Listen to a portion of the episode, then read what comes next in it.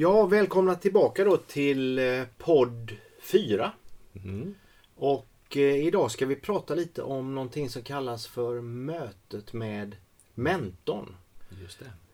I, podden ser vi oss som, som konstnär och designer, hjältar på en eh, upptäcktsfärd ut i det okändas landskap. Det börjar med att vi befinner oss i vår ordinära vardagliga värld.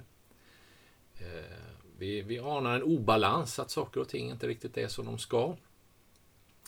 Vi vill sträva bort från det som är det givna, det uppenbara, det oundvikliga och söka efter det förväntat oväntade. Och därmed kommer en, en, en kallelse från det okända. Äventyret kallar på oss. Att söka upptäckten, den typen av upplevelser som, som, som upptäckare finner, eller vetenskapsmän som upptäcker saker. Man kan väl säga att vi, vi, vi, står, vi har ju ställt oss där på, på tre ben. Där vi då tittar på eh, det som är sant. Det som är sant, som i vetenskapen, Ja. som är generellt eller Ja. universellt. Ja. Och det som är vår, vår verklighet. Liksom den här oordningen vi, vi lever vår dagliga liv och försöker göra mening utav på något sätt och vis. Och som vi är skuld till också i mångt och mycket som, som konstnär och designer som försöker förändra den här verkligheten, Ja, förändra världen. Och som kanske då på olika sätt istället kanske gör den mindre fungerande eller mindre angelägen eller mindre engagerande. När vi egentligen strävar mot, mot det tredje benet, det ideala. Vad nu det Ja. skulle kunna vara. Och det önskvärda.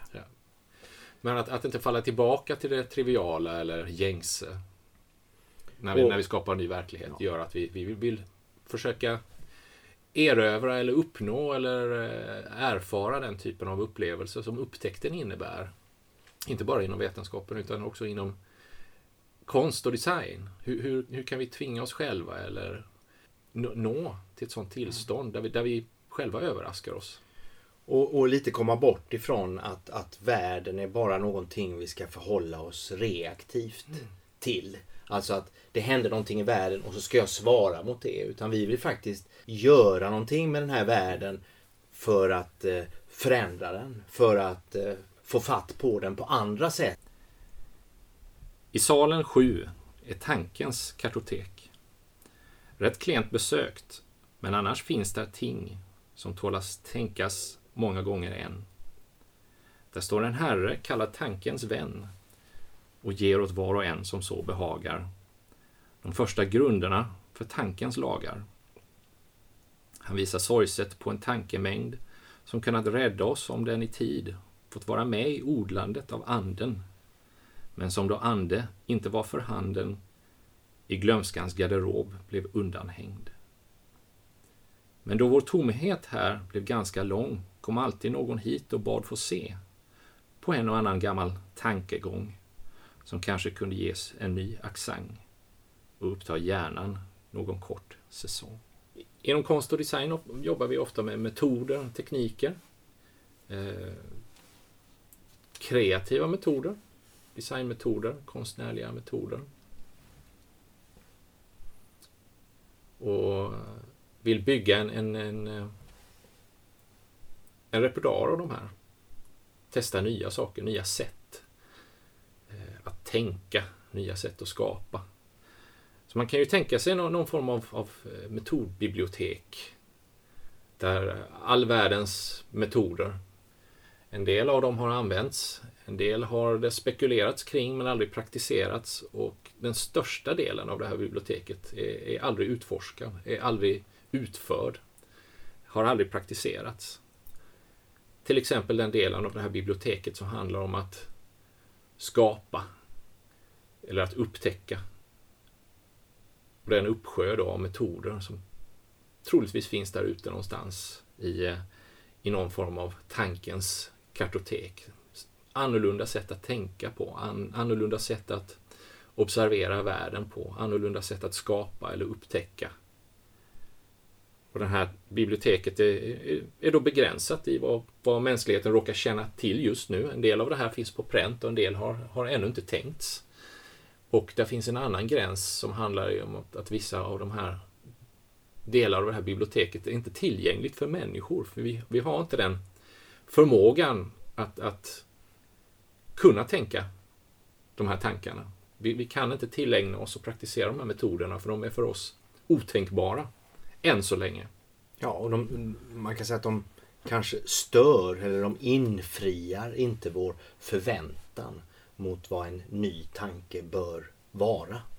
Och därför känner vi inte igen dem, eller vi erkänner dem inte på det sättet. Nej, vi kanske inte kan förstå storheten i vissa nya tankar eller eh, stora kreativa hopp blir, blir främmande, eh, obegripliga för oss.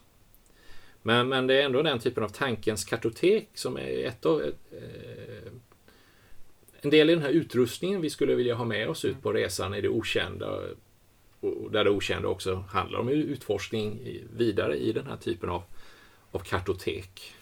Eh, och jag menar om man tittar i ett sånt här kartotek då så är ju kanske en, en rätt så vanlig metod när man, när man eh, förstår att det finns en sån här mm. metodkartotek. Det är ju kanske då att man lånar metoder. Från ett annat område mm. än det man själv känner till. Och så prövar man en metod utvecklad för ett visst område. Så prövar man det inom ett annat område. Och så får man fram ett oförväntat resultat. Man ser vad det kan ge. Ja. Efterhand så kanske man lär sig att, att eh, beroende på vad man vill göra så behöver man en viss metod som tar vissa eh, viss information som indata och, och, och ger någonting annat som utdata. Att man, man har en medveten förhållningssätt till sina verktyg, sina tekniker, till sina metoder. Och efterhand lär man sig förstå vilka metoder man saknar. Givet att man vill åstadkomma en viss sak. Till exempel upptäcka metoder för upptäckt. Ja. Hur, hur, gör man det och vilka metoder finns det för det? Eh, och i, i, I konstvärlden är ju det här tämligen vanligt mm. skulle jag vilja säga. Att man just lånar en, en idé och så praktiserar man det i eh, nya kontexter. Eh, Mario Merz har gjort en väldigt eh, eh spännande fotoserie kring Fibonacci talserien då. Mm. Där han tittar på hur människor kommer in på kaféer. Och då följer det det antalet precis i... i mm. först kommer det en, och sen kommer det tre och så vidare. Va? Eh, och jag har ju försökt tillämpa den i ett annat sammanhang.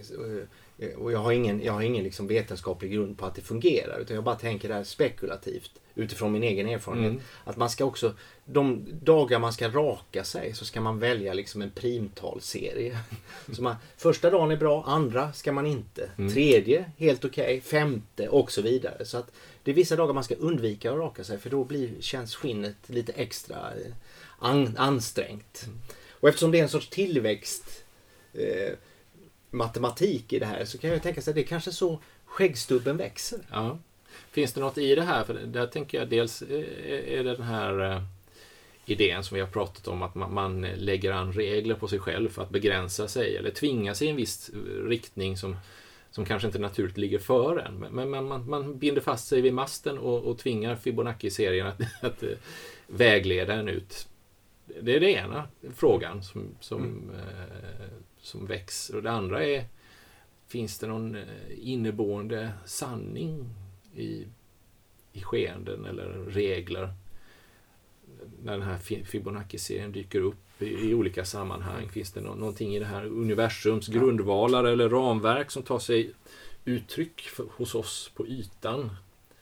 Och jag menar, tittar vi på konstens område så har ju den inga krav på sig mm. att vara vetenskaplig. Så vi vet ju egentligen aldrig om Mario Merz mm. eh, studie eller fotografier bygger på någonting faktiskt. Utan det kan lika väl vara någonting påhittat. Ja. Och det, det, det, är tillräckligt giltigt att använda som murbräcka eller för någonting att För det, introducerar, det, det, introducerar ju en, en, en frågeställning ja. eller ett påstående som är relevant.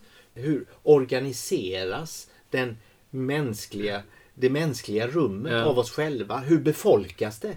Kanske det följer mm. rätt basala och grundläggande eh, regler ja. som vi ännu inte har fått fatt på. det, det har vi en mentor i, i Stephen Wolfram till exempel och hans tjocka verk på, på över tusen sidor, A New Kind of Science, där han har ja, vad ska man säga, gått ut på fisketur i, i de algoritmiska vattnen och, och studerat den här typen av enkla programsnuttar, små cellulära eh,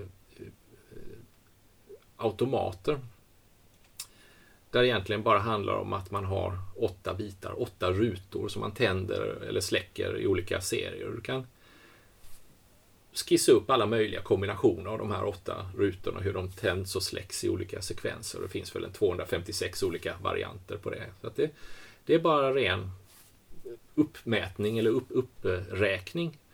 Men så upptäcker han då när han eh, kör de här programsnuttarna att de leder till olika saker. Så nu hittar jag på, men nummer 56 kanske leder till någon slags jämviktstillstånd medan regel nummer 128 kanske leder till någon slags eh, kaotiskt tillstånd. Och en annan regel leder till, till eh, ett, ett eh, växelspel fram och tillbaka. Och en, en fjärde typ av regel leder till intressant komplexitet. Och då börjar man undra, vem bestämde detta? Mm. Varför blir det så här? Att, att i, i någonting som bara är en uppräkning av väldigt enkla programsnuttar så, så finns det en, en oordning i de här, men ändå fyra klasser där en av de här klasserna leder fram till det som vi befinner oss i här, mm. den här komplexiteten.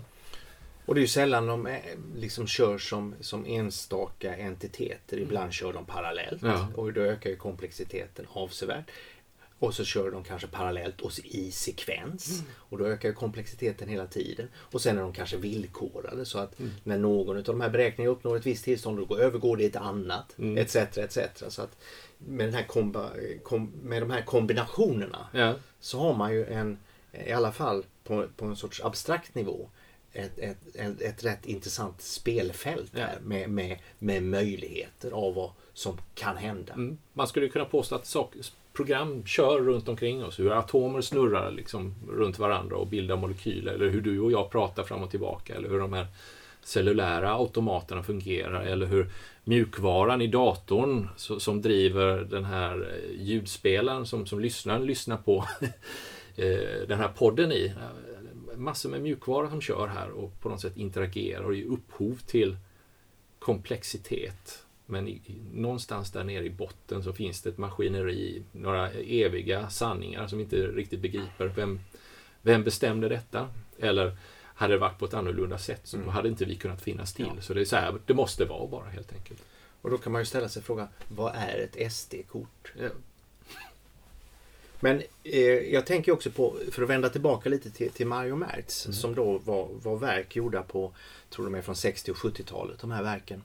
Eh, och titta på vad som händer idag då, mm. där vi liksom genom de verktyg som finns för, för eh, alltså, eh, urban planering och, och, liknande. Och där vi idag har tillgång både till öppen och eh, kommersialiserad data. Mm. Och när vi börjar titta på det här stadsrummet. Mm. Och liksom en ren analogi då var, jag var på eh, ett användargruppsmöte igår och då var det en brittisk forskare som, som presenterade en kartläggning om var folk twittrar någonstans. Mm. Va?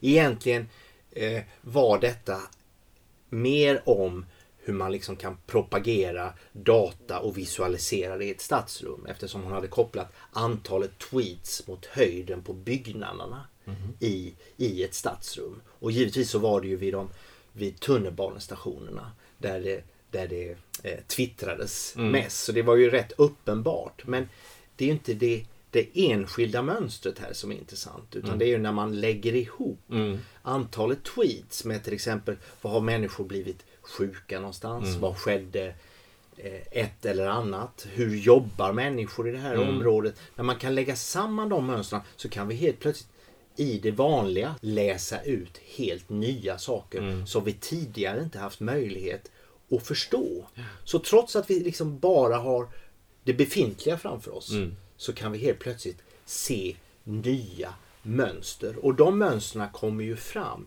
tack vare då att vi kan fånga data på nya ja. sätt. Och den datan är ju eh, fördold för oss mm. i våra dagliga liv. Trots att det är vi själva mm. Och den teknik vi använder mm. som producerar all den här datan. Här är ett exempel på vad, vad, vi, vad vi känner till och när vi med nya instrument som kan förstärka vårt seende på något sätt som hjälper oss att bygga olika typer av eh, datoriska modeller eller flöden hjälper oss att, att eh, överhuvudtaget möjliggör att kunna se mönster, modeller på, på ett sätt som inte kunde innan. För det, det är några exempel på, på någonting som vi också vill ha med i vår utrustning på färden. Någon form av metodkartotek, någon form av eh, verktyg eller maskiner som förstärker vårt seende eller modeller som, som, som, som kan hjälpa oss att se och, och tolka mönster på nya sätt. Och att det inte bara att få fatt i de här mönstren i sig som är det relevanta mm. utan vad, vad det kan användas ja. till. För att knuffa oss över kanten in i det okända. Ja. Där vi genom det här förfarandet kan ana vad, vad vi inte vet. Ja. Så att säga. Vi kan se att det är ingen tidigare som har lagt ihop världen på detta sättet. Trots att det bara bygger på befintligheten. Mm. Och att vi då kan, här har vi nog tänkt fel. Mm. Eh, för att vända tillbaka till det här området eftersom det är lite aktuellt eftersom vi var på det här användargruppsmötet så eh, där diskuterades bland annat hur man nu liksom har två riktningar där vissa försöker planera bort biltrafiken utifrån hur biltrafik fungerar idag. Mm. Och hur andra jobbar med att åter implementera bilen i dess nya former där den kanske glider fram på, på väggar och den släpper inte ut några avgaser utan kan faktiskt köras inomhus. Mm. Eh, behöver vi ha gator på samma sätt som vi haft tidigare? Så att båda de här är ju liksom mm. De är ju mot varandra. Där ingen egentligen, skulle jag vilja säga, har, har helt rätt. Mm. Men någonstans däremellan så kommer ju en framtid att, att uh, formuleras. Att bilen som vi känner den idag, det kan man rätt så klart säga, den kommer inte se ut som mm. den är idag. Och vi kommer kanske inte att transportera oss själva mm. På det sättet längre. Mm. Men hur ser alternativet ut? Är det, en, är det som många tror en spårvagn? Alltså en 1800-tals eh, mm. konstruktion nästan. Va? Eh, och eller vad är det för någonting annat som ska mm. komma istället? Och varför ska vi då ha gatan? Alltså idén om gatan, mm. är, är, den fortfarande relevant? Så där står, står man ju också i det befintliga inför stora påfrestningar och utmaningar just nu. Och det är den kampen jag tycker man börjar, mm. man börjar ana. Och det är också en, en, en relevant, eh, tycker jag, eh, metodisk eh, utgångspunkt för oss som vi har med oss. Att kunna spåra de sakerna mm. innan det händer. Mm. Och bryta upp den rymden än mer. Det uppenbara hade ju varit att bara köra på, no pun intended, med, med bilar som de ser ut idag. Det, det alternativa intressanta förslaget är att, att man kan börja köra bi, bilar inomhus på väggen. Det är ju en kittlande tanke. Men de två alternativen är, de, de är inte de enda som är tänkbara eller möjliga. Att, att öppna upp den rymden av möjliga framtider eller verkligheter som handlar om bilism på något sätt eller bilens form eller hur man transporterar sig.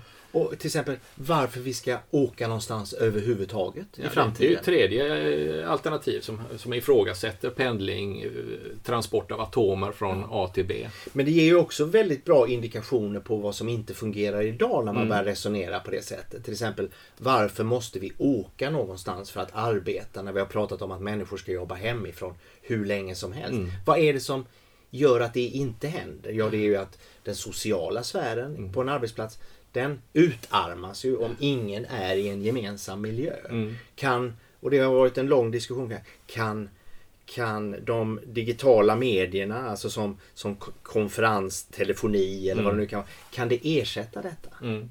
Det har vi rätt bra svar på idag skulle jag vilja säga. Mm. Eh, men här kan man ana att något, någonting annat hindrar det här från att hända. Mm. Eh, och hur fortsätter vi att planera, i alla fall mycket städer i Sverige? Ja, det är ju en sorts enklavplanering där man bygger perifera förorter där den enda anslutningen är en busslinje eller att man är helt bilberoende. Mm. Eller att man bygger alla de här stora shoppingcentrarna som, där man också är helt bilberoende. Mm. Samtidigt som alla säger att bilar ska vi inte ha. Så mm. det finns några spårbarheten här är att någonting är fel är ju, är ju liksom rätt så tydlig. Det behöver man inte ha speciellt sofistikerade metoder mm. för att spåra. Men samtidigt så hjälper de oss att peka oss framåt mot vad mm. som bör och kan hända sen. Det behövs andra tankemängder som kan rädda oss i tid för att odla en annan ande.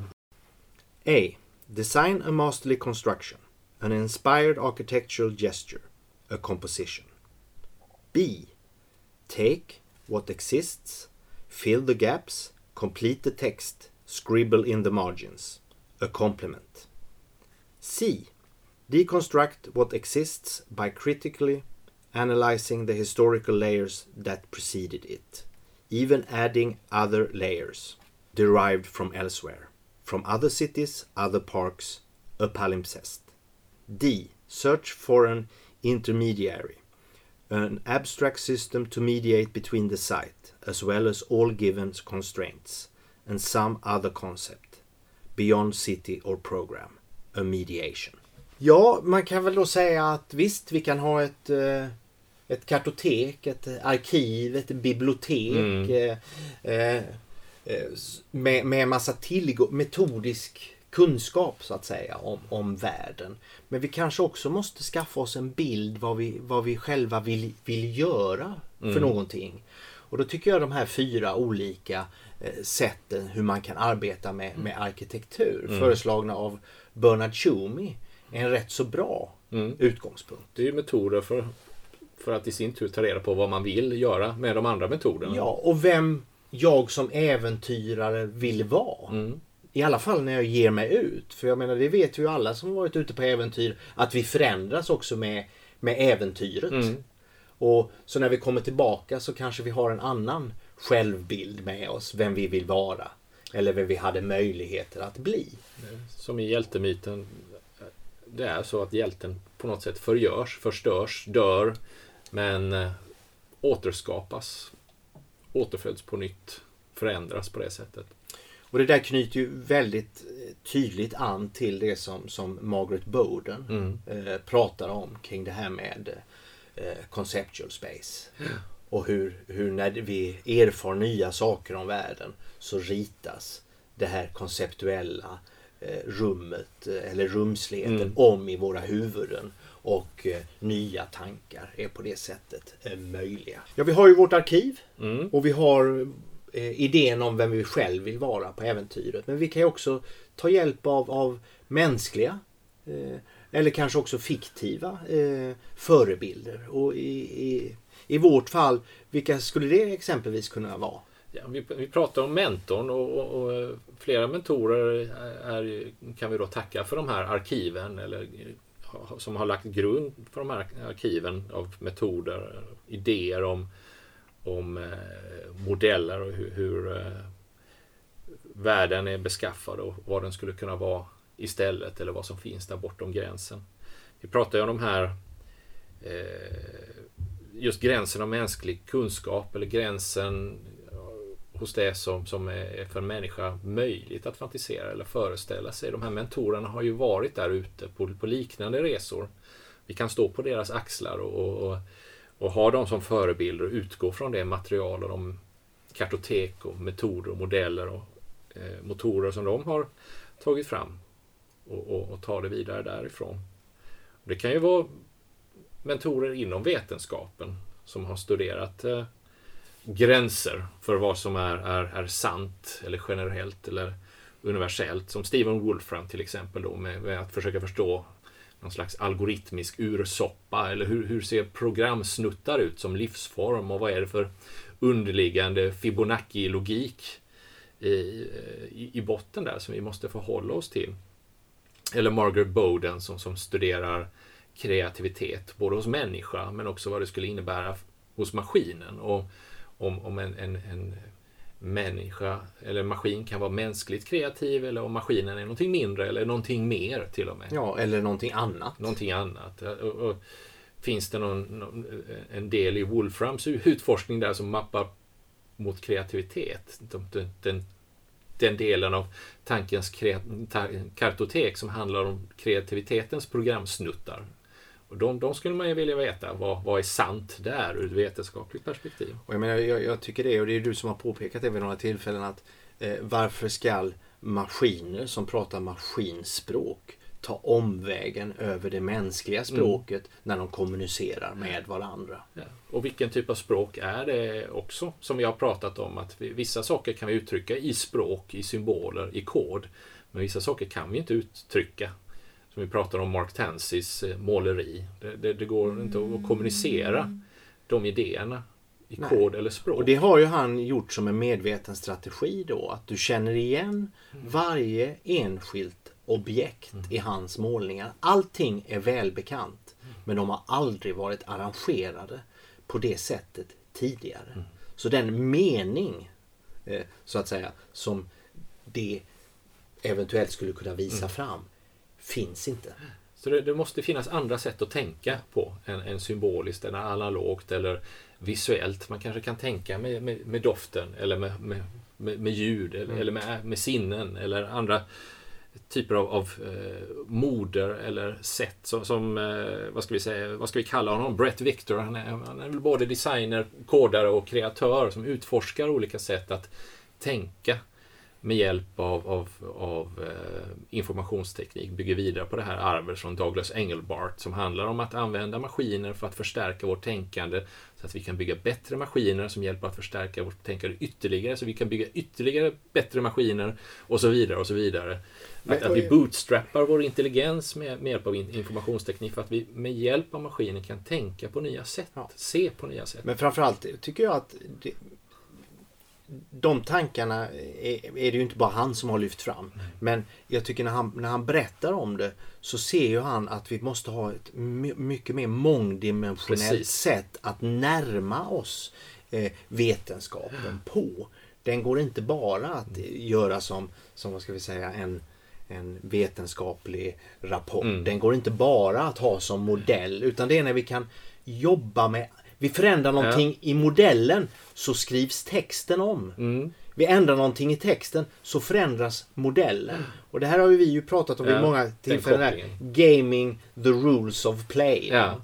Att man, man jobbar med liksom alla nivåer av, av, av parametrar här. Och man har en sammanhängande system för att göra detta. Och på det sättet kan vi upptäcka mycket mer än att vi liksom i en isolerad som ofta mm. vetenskapen gör, eh, del av tillvaron bevisa ett eller annat utan att egentligen förmedla alla dess konsekvenser som händer mm. säga, bortanför det experimentet eller det påståendet. Det, det där Wolfram som vetenskapsman har ett viktigt bidrag, men det räcker inte. Det där Victor som designer av det verkliga har ett viktigt bidrag, men det räcker inte. Men, men när man börjar kombinera och extrapolera utifrån deras tankar, att, att Tänk om det finns olika eh, åtta sinnesmodaliteter som vi kan använda för att observera världen. Tänk om det finns eh, x antal olika sätt att tänka på som vi skulle kunna utnyttja för att bearbeta de stimulin vi får in med de här åtta sinnena och så vidare. Eh, I nya typer av kartotek som både är vetenskapligt grundade men också har tagits vidare genom design. Som inte är universella eller generella utan de är konstgjorda. Det fanns inte innan. För det, det, det är där bidraget av designen i det reella kommer in. Mot den tredje eh, tyngdpunkten, någon, någon, form av ideal som vi, som, som vi strävar mot eller försöker förstå vad det innebär i form av bilder från science fiction där, där det finns eh, både utopier och dystopier och allt däremellan. Eh, Arthur C. Clarke som skriver om att Eh, Eh, han vet inte vad framtiden handlar om, men, men kan man på något sätt ruta in eller se var gränserna runt det möjliga finns så, så, så kan man i alla fall säga en del om, om framtida innovationer eller framtida samhällen eller världar eller städer. Och, och, för att kunna förstå vad det möjligas gräns så måste man ta ett steg in i det omöjliga. Och sen för att sen återvända.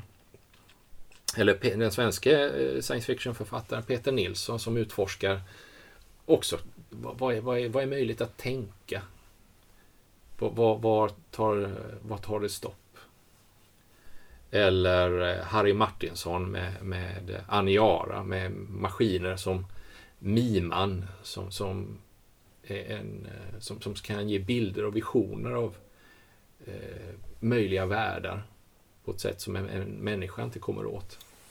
Ja, och här kan vi vända tillbaka till det vi också nämner i, i, i första podden och där vi på något sätt startade också vårt gemensamma utforskande, du och jag, med, med Stanislav Lems bok Mm. eh, eh, det, det perfekta tomrummet. Ja. Där, där metoden hos honom då är liksom några gängse, väldigt befintliga metoder, men använda i fel ordning. Mm. Man börjar med att skriva recensionen av en bok som aldrig har skrivits. Mm.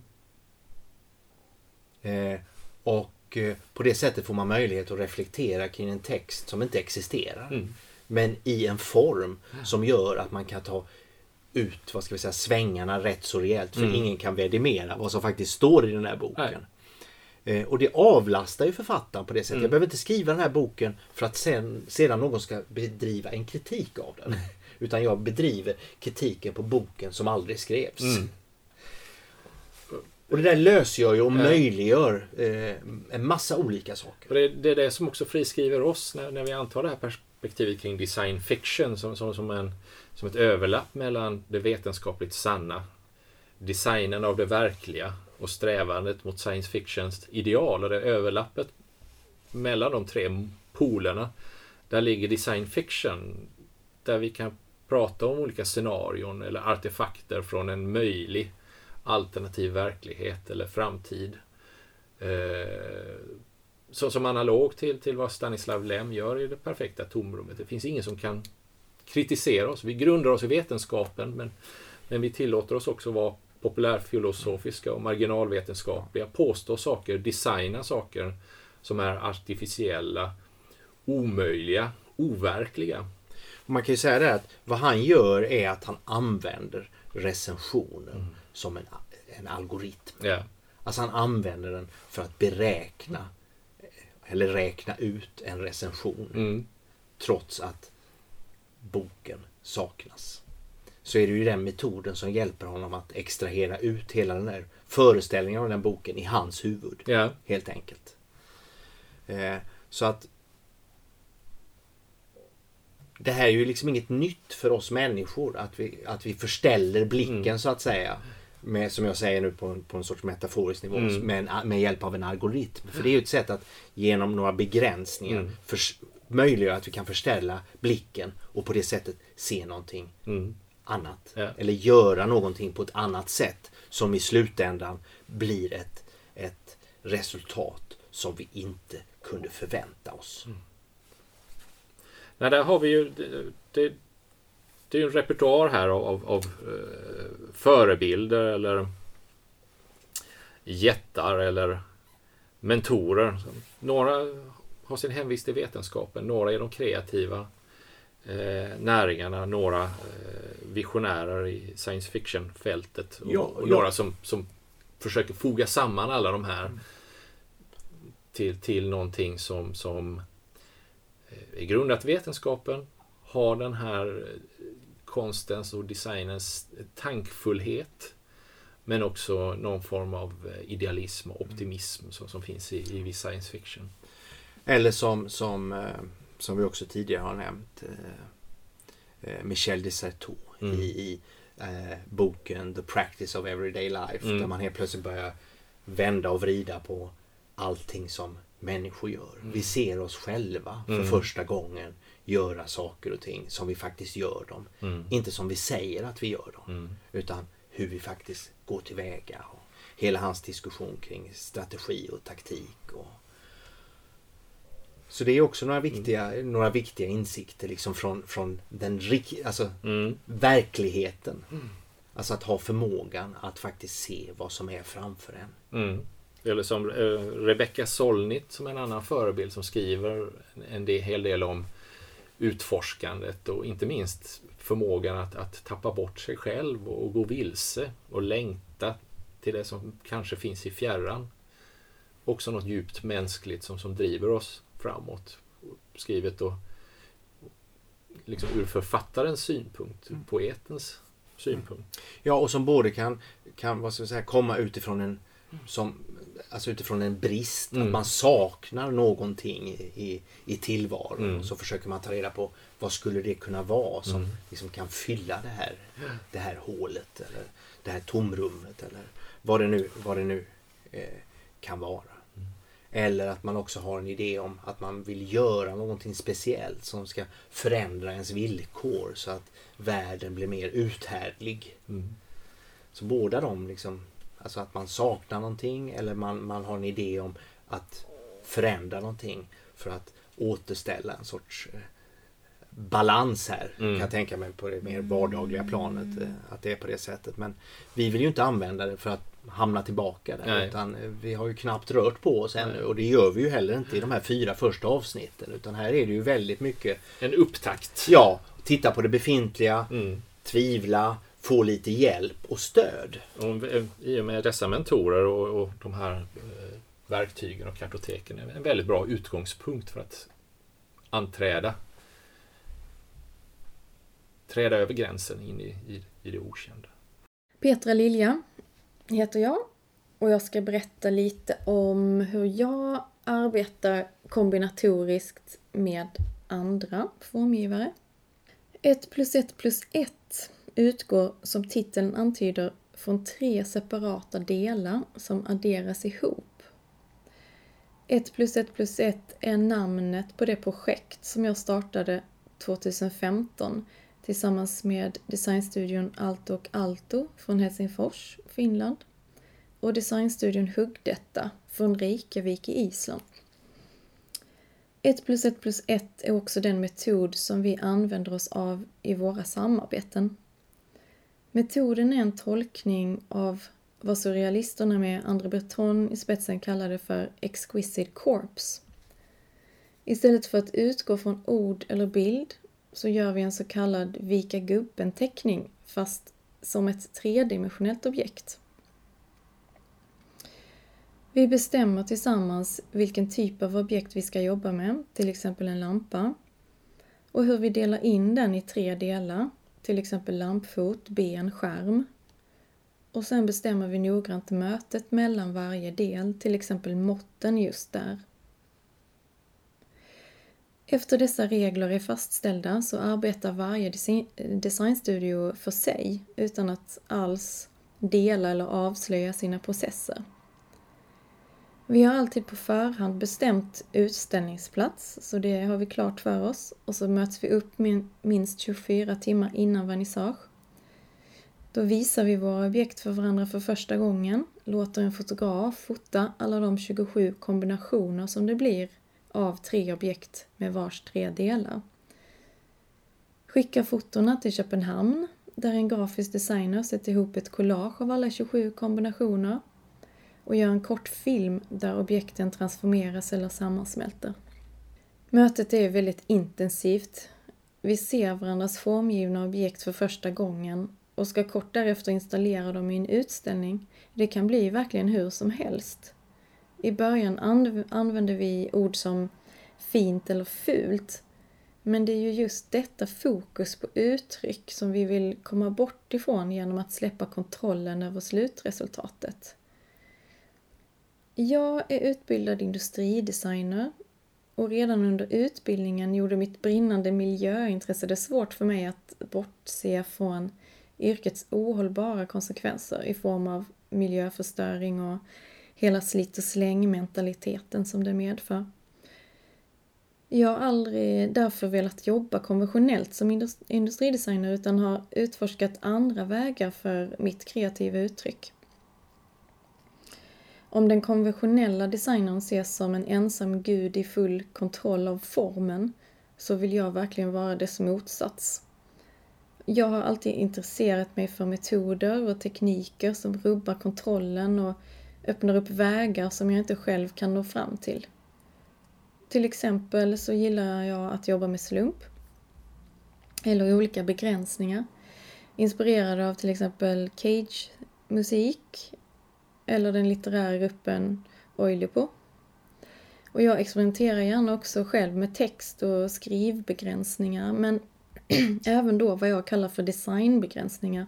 Alltså att jag applicerar de här begränsningarna på eh, tredimensionella objekt.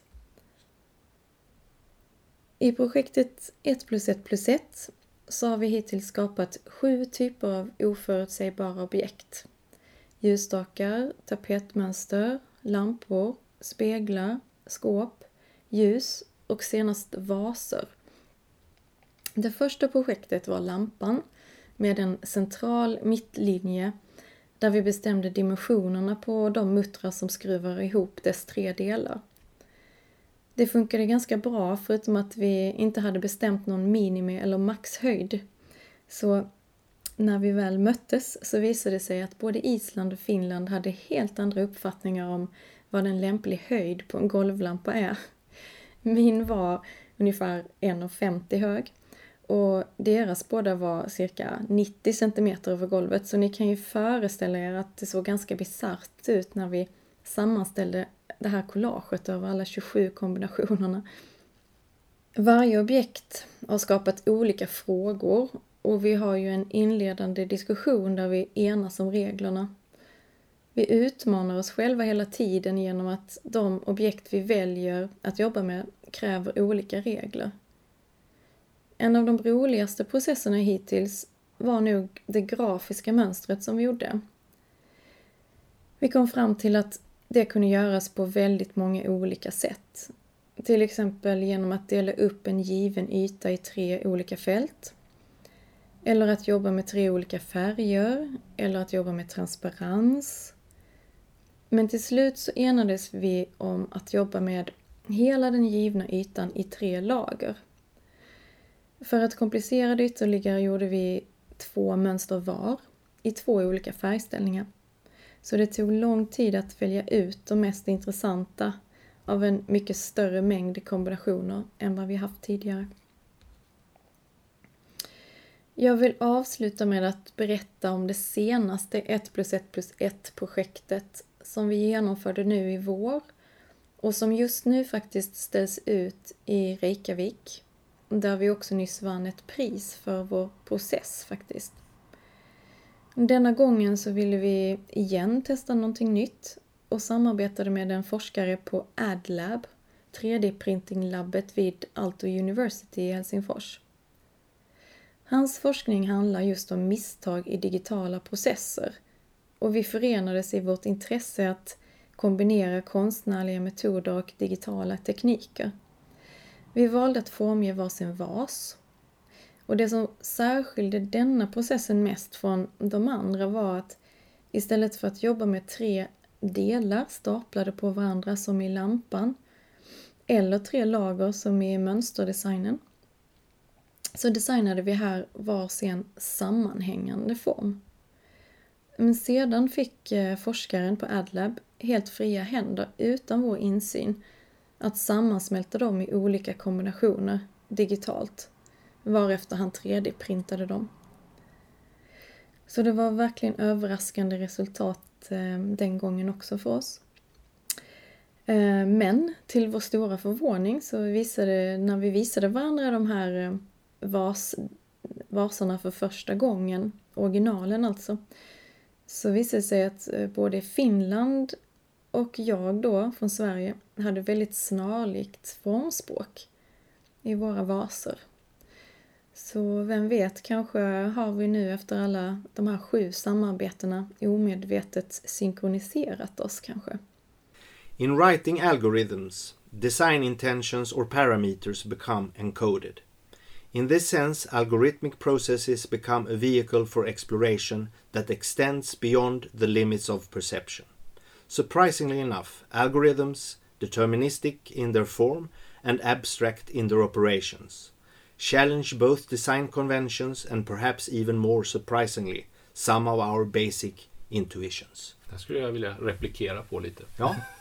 jag nördar loss på metoder och jag tycker det är jättespännande med, med algoritmer och den här typen av datoriskt tänkande där, där man analyserar, vad ska man säga, lite mjuka, luddiga, mänskliga fenomen. Försöker bryta ner dem med hjälp av datoriskt tänkande i olika steg och kanske till och med en algoritm som, som man sen kan eh, koda och låta en maskin köra. Lite som, som, som eh, folk som sysslar med computational creativity som, som Margaret Bowden försöker begripa, definiera vad kreativitet faktiskt är vilket, ett begrepp som för många är väldigt luddigt och vagt och odefinierat och kan vara vad som helst. Alltifrån någon musa som, som ger en, en idé eller någon slags eh, gudomlig intervention till i, i andra änden, om man nu ska eh, grovt förenklade ja, steg eller metoder eller algoritmer eller programsnuttar. Samtidigt som ett, ett, ett sånt typ av reduktionistiskt tillvägagångssätt riskerar att tappa någonting på vägen. Att det är någonting som går förlorat i den här översättningen från komplexa, kaotiska fenomen till, till någon form av programsnutt. Så, som en slags spegelbild till vad som händer när vi börjar sätta ihop saker och få någon form av emergenta fenomen. Du, du kan inte se på delarna att helheten helt plötsligt skulle bli mer än, än de här delarna. Så, eh, algoritmerna som, som ett, ett, bra verktyg för att få oss att tänka annorlunda eller binda fast oss vid masten eller utmana vår intuition. Men samtidigt måste vi vara på vakt att vi inte fyrkantifierar eller reducerar och tappar bort det som, som algoritmen inte kan ge. Men som kanske tumregeln, heuristiken, designvisdomen ger. Och försöka förstå vad är skillnaden mellan de två? Hur kompletterar de varandra? Det mänskliga och det, det maskinnära. Vad är, vad är maskinens och algoritmens styrka? Och människans svaghet i att vara ostrukturerad till exempel. Eller vara fast i en vana som algoritmen och maskinen kan bryta. Och vad är styrkan hos det mänskliga, vaga, eh, tvetydiga, heuristiska, ofullständiga. Eh, där, där maskinen kan inte köra den typen av program.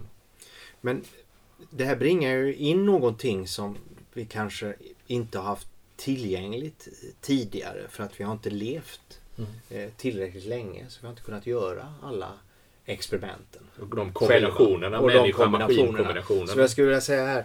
Eh, jag kan acceptera att man, man att det, alltså att vi har ju det hela diskussionen mellan det analoga och digitala. Ja. Vad som är förtjänsterna i, i, i respektive område. Va? Eh, om det är liksom en konstant kurva eller om det är en trappa. Som och, grova förenklingar ja. också. Men det jag skulle vilja säga är, är det nya eller det som, det som har varit i ett tag inom många områden. Om vi speciellt tittar på ett av mina fält då, liksom 3D, animation, mm. skapande av, av virtuella och, och, och, faktiska liksom, miljöer. Mm. Så, så är det ju just sättet att i realtid kunna påverka regelverket. Mm. Yeah. Där liksom det algoritmiska till skillnad från det, mm. från det analoga mm. eller bilden. Mm. Eller det, det av mänsklig hand gestaltade. Ja. Eh, tar mycket längre tid mm. för mig att få svaret. Och helt plötsligt så blir en komplex process mig till hands. Ja. Där jag kan i realtid påverka en rad parametrar i mm. den här processen. Och på det sättet generera en mycket större förståelse för mm. hur alla de här disparata elementen mm. baserade på algoritmer beter sig tillsammans. Mm. Och det gör ju att, att det givetvis kommer att skapas nya uttryck när vi då kan lägga oss i mm. processen med så korta tidsiterationer. Mm.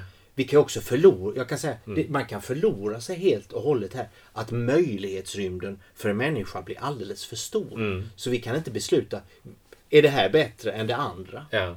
Och det är ju en nackdel. Då har vi helt ja. plötsligt fått alldeles för mycket till vårt förfogande. Ja. Och då kommer ju saker in som, som vår egen intention. Till mm. exempel. Vad vill vi med detta? Och vem vill jag vara som mm. upptäcktsresande? Man kan ta exempel med IBM Watson, den här artificiella intelligensen som IBM har tagit fram som har ja, den har vunnit Jeopardy och den har eh, läst alla läkarböcker i hela världen och, och ställer rätt så knepiga eh, diagnoser på okända cancersjukdomar och börjar rädda folk på ett sätt som en, en människa hade inte varit förmögen att ta till sig all den här medicinska litteraturen som, på det sättet som den här maskinen kan göra för att utföra, utföra vissa typer av, av diagnoser. Watson har också läst en massa kokböcker och det finns ett projekt kring, kring eh, datorisk matlagning, computational cooking, där, där Watson då genererar, jag, jag tror inte jag överdriver, kan generera en triljon recept utifrån alla de här parametrarna kring eh, ingrediensernas kemiska sammansättning eller människans smaksinne, hur det är beskaffat. Eh, hur olika eh, ämnen reagerar med varandra. Ja, det här som det här brittiska forskningsprojektet, hur Ja. man kartlagde hur olika eh, smakkomponenter hängde ihop. hur de passar va? ihop eller Ja. inte. Där vi lever liksom i det här vete, vanilj, Ja. mjölk, ägg och smörbältet. Mm. Och i Italien så har man eh, basilika, tomat och... Det, det, det, hela den komplexiteten som den är ohanterlig för en människa. En, en, enligt IBM då så kan en, en, en professionell kock kanske fundera kring två ingredienser, hur de funkar tillsammans. Kanske tre. Men Watson kan, ju, kan då utforska en mångdubbelt större rymd av dimensioner och hur de kombineras med varandra. Eh, och generera en uppsjö av recept och så kanske man väljer ut fem eller åtta tusen av dem kanske. Eh, som en liten mängd. Ja, fortfarande väldigt mycket eh, att välja bland för en människa. Och så gör IBM en kokbok med 65 recept. Eh, och den skulle man kunna köpa om det inte vore så att det, det krävs fortfarande en massa specialkunskap och specialutrustning och, udda ingredienser för att, för att laga den här maten som förvisso är, det är ett intressant experiment. Men, men vad blir den praktiska effekten av hela den här ansträngningen att försöka datorisera matlagningen? Det hade kunnat bli mer tillgängligt eller intressant på något sätt.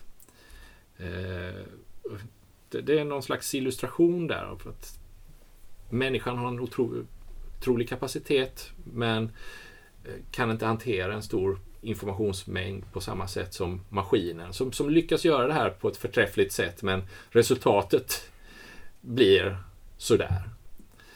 Så, så att, att försöka hitta den punkt där, där båda kan fungera tillsammans, komplettera varandra, kombinera sig eller, eller som en enhet, som ett system på, på ett bättre sätt. Och där, där är ju inte den... Alltså Watson är ju i det här fallet inte beroende av vår eh, konventionsrymd. Alltså hur... Nej. Den, Watson har inga förväntningar på sig själv hur ett kök ska vara konstruerat. Utan den använder ju bara den liksom, teknik som den anser vara bäst för ändamålet. Och det innebär ju att den, den kanske flyttar hela idén om vad, vad en plats där man lagar mat, vad det är i ett hem och hur det ska se ut och vad det ska bestå utav. Där vi ännu inte är eftersom våra kök har ju, Mm. ska jag vilja säga, sett väldigt lika ut under väldigt lång tid. Vi, vi, vi är bundna av konventioner. Om det nu handlar om vilken typ av mat vi, vi kulturellt eh, inte mår illa av helt enkelt. Eller vilka ingredienser som vi typiskt har, har eh, begagnat oss av de senaste 10 åren eller 200 åren. Men där Watson inte bryr sig om detta. Kan med hjälp av algoritmerna bryta upp den rymden. Ja. Och sen så kan vi människor upptäcka, ja men där fanns ju faktiskt några fläckar på kartan där som var outforskade men, men faktiskt rätt så, så aptitliga i det här sammanhanget. Som vi, vi, vi nu kan få upp ögonen för eller få upp smaklökarna för. Och, Och jag menar, ska man vara, eh, vara, vara konspiratorisk här så kan man säga att han, eller Watson då, är kanske inte köpt av, av sockerproducenterna. nej, det, det här är, Och därför blir svaret annorlunda. Ja, det, det som är, jag tycker är ännu mer intressant är att, att matlagning är bara ett, ett case. Det, det är bara ett sätt att optimera eh, eller designa en typ av upplevelse. Men den skulle lika gärna kunna användas för att optimera eller designa andra typer av, av upplevelser. Ja, fast jag tror att på den metaforiska nivån här så är ju matlagning lämpat för den här typen av, av undersökning. för vår eftersom, undersökning, absolut. Jo, men också för, för, för, för Watson i sig eftersom den är på något sätt alltså, receptbaserad. Ja, Där finns en... Alltså den, matlagning Ja. är ju en algoritmisk praktik. Ja. Där vi har samlat en massa erfarenheter. Kör vi de erfarenheterna Mm. med hjälp av de här ingredienserna i den här mängden Mm. så bör vi få fram detta. Så det påminner ju väldigt mycket om alltså att köra ett program. Men att, att Watson skulle kunna användas till ett, analogt problemområde kring bilism Absolut, som vi pratar absolut. om. Att, att, att Watson skulle kunna tillaga nya sätt att transportera sig eller Mm. kunna koka ihop nya idéer om vad en urban miljö skulle kunna vara. Eller som, som nyligen rita om eh, eh, hur familjen av dinosaurier eh, hänger samman. Och det tog ju inte speciellt lång tid för att få helt häpnadsväckande nya eh, förhållanden eh, mellan dinosaurier att, att ta ställning till. Som, som ett sätt att vidga en, en tankerymd som inte hade vidgats på 200 år kanske. Utan man körde på i gamla hjulspår. Sen, sen tänkte en människa någon annan tanke, Ja. samlade in lite ny data, körde det genom en annan algoritm och man fick ett helt annat utfall. Och det är ju det här som hela det här fältet av eh, eh, software studies Mm. också försöker tillämpa då inom det kulturella området. Mm. Och vi har ju nämnt det tidigare. Vad händer när, när Watson läser all litteratur Mm. som någonsin har skapats? Vad blir det för litteraturhistoria? I Miman fick vi in att det finns liv på flera håll. Men var ger Miman ej besked om. Det kommer spår och bilder, landskap och fragment av språk som talas någonstans. Men var? Vår trogna Mima gör allt hon kan och söker, söker, söker. Och hennes elektronverk fångar in Elektrolinserna ger grundrapport. Till väljarcellerna och fokusverken samlar indifferenta tredje webens tasis och bild och ljud och doft går fram ur rika flöden. Men sina källors riktning ger hon ej besked om. Det ligger utanför och alltid bortom en mimas tekniska natur och hennes fångstförmåga. Hon fiskar billigt talat sina fiskar i andra hav än de vi nu befarar och fångar lika bildligt sina rymdfynd ur skog och dal i oupptäckta riken. Så skulle man kunna se då både Miman och Watson som exempel på, eh, från olika tidpunkter, som exempel på sorts artificiella eh, mentorer. Alltså, eh, mentorer skapade av människan självt för att vi ska kunna lära oss mer om oss själva. Att det räcker liksom inte med att vi, vi tittar på oss genom oss själva utan vi vill skapa någonting som kan observera oss utifrån. Ja, återigen det här med att, att hjälpa oss se saker som vi inte hade kunnat se utan Watson eller utan Miman. Det är klart att det förändrar oss. Vad, vad vi, vad vi, hur vi upplever världen påverkar vår världsbild och möjliggör nya, nya sätt att se på, på saker men också nya sätt att, att, att tänka. Man, man kan ju se på Watson och Miman som både den typen av instrument som förändrar oss. Man, man kan se det som våra ersättare om man vill vara dystopisk. Eller man, man kan som, som, som vi väljer att se dem som komplement eller ett sätt att förstärka vår egen förmåga. Eller att kanske vi sammansmälter till någon slags helhet här. Att, att det, det är, är, det är artificiellt att tänka bara människa. Vi har, vi har alltid levt med teknik.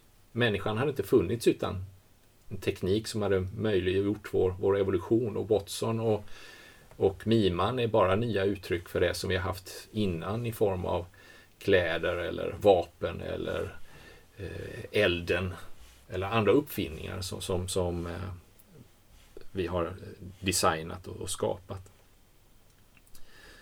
Eller så kan man se Miman och Watson som ett ex exempel att på något sätt manifestera de här metoderna eller algoritmerna i, i, i någon form av kod, i någon form av verktyg. Att, att manifestera ett, en, en, en metod eller ett hantverk i någon form av instrument som, som förlänger vår, våra ögon eller för, förlänger vår hand eller förlänger vår tankekraft. Och det finns många sätt att se på dem. Men, eller som mentorer som vi har med. Barn till, till sina skapare. Så vi, vi, har, vi har en uppsättning ment mentorer från, från, från det verkliga, från det re reella, från det sanna, från det ideala. Men jag tror man, eh, man, man kan ju gå tillbaka här eh, också till, till eh, Einstein. Mm. Kring, kring det här påståendet som han gör kring att vi kan aldrig lösa ett problem eh, på samma nivå Mm. av tänkande som också introducerade det. Mm. Så vi behöver på något sätt liksom hitta en annan Mm. position. Ja. Att på ett abstrakt plan försöka fånga det problemet Mm. där vi faktiskt eh, vad ska vi säga, är, är kättrade Ja. vid att, att, att uppleva det som ett problem. Och det kan ju en sån här, Ja. den här typen av, av som vi nu kallar Ja. dem, metoder. Ja. Men en sorts förstärkt Ja. tänkande. Eh, Att, att, att bootstrappa. hjälpa, hjälpa oss att, Mm. att faktiskt nå en nivå där vi kan eh, eh, förstå oss själva och Mm. de problem vi har på nya sätt så vi kan angripa Mm. dem. Och jag skulle vilja vända tillbaka till exemplet som, som vi började med idag med, den, med Twittermönster i staden. Mm. Att om Watson skulle analysera ett sånt här stadsrum Mm. och sen vända tillbaka eh, till eh, Sartors The Practice of Everyday Life Mm. och utifrån idén om strategi och taktik kunna kanske fin- finna helt nya mönster Mm. eh, kring eh, eller kunna förstå de mönstren Mm. mänskli- mänskligheten genererar i städer på nya sätt. Mm. Och att vi helt plötsligt får en ny insikt varför vi rör oss och gör som vi gör. Mm. För att det är för, dag, det är, för oss människor idag för komplext Mm. att eh, omfamna. Och där kan ett datoriskt tänkande Mm. eh, hjälpa oss med det. Så vi, vi har våra mentorer, vi har eh, metoder, tankens kartotek, uppsättning av algoritmer, konstnärliga metoder. Vi, vi har modeller, vi har de här typerna av verktyg och maskiner. Vi har manifest som på något sätt knyter ihop, pekar riktningen för alla de här. Eh, Det känns som vi står väl rustade på färden. Att, att korsa den här första tröskeln. Och det är ju det vi ska göra nu i eh, nästa podd i femman. Det är då vi ska eh, gå dit världen kröker sig. Ja. Och vi ska ta oss runt den här, det här hörnet som vi Mm. inte ens ser att det är ett hörn ännu. Jag har den här bilden av, av eh, ganska, det kallas för, för flammarion träsnittet, men det är egentligen inget träsnitt. Det är ett, en, en, en etsning från 1800-talet som, som föreställer en, en, en medeltida man som kryper på marken i, i något medeltida bondlandskap och sticker igenom huvudet genom himlen, genom firmamentet och skådar ut på, på andra sidan stjärnorna och planeterna och himlavalvet vad som döljer sig där bakom någon slags kosmiskt maskineri, den här Fibonacci-serierna som rör sig där bakom med någon slags algoritmiskt urhav som, som styr eh, verkligheten, eh, universum och får en, en vision av hur, hur det verkligen förhåller sig. Så känner jag mig. Det, det är där jag, jag vill vara den här eh, mannen som sticker igenom huvudet och in och runt kröken eh, transformerar vår konceptuella rymd och, och, och låter oss se, se andra alternativa möjliga eller omöjliga världar. Så eh, om ni hör oss i nästa podd så har vi väl lyckats komma tillbaka därifrån. Med en liten eh, fältstudie, ett litet insteg i det, det okänt okända. Och detta blir då ett av de första experimenten som vi kommer att redovisa i den här serien. Mm. Då tackar vi för ni har lyssnat på oss. Referenser till eh, böcker och artiklar eh, som vi har berört, de hittar ni på bloggen. Hej då!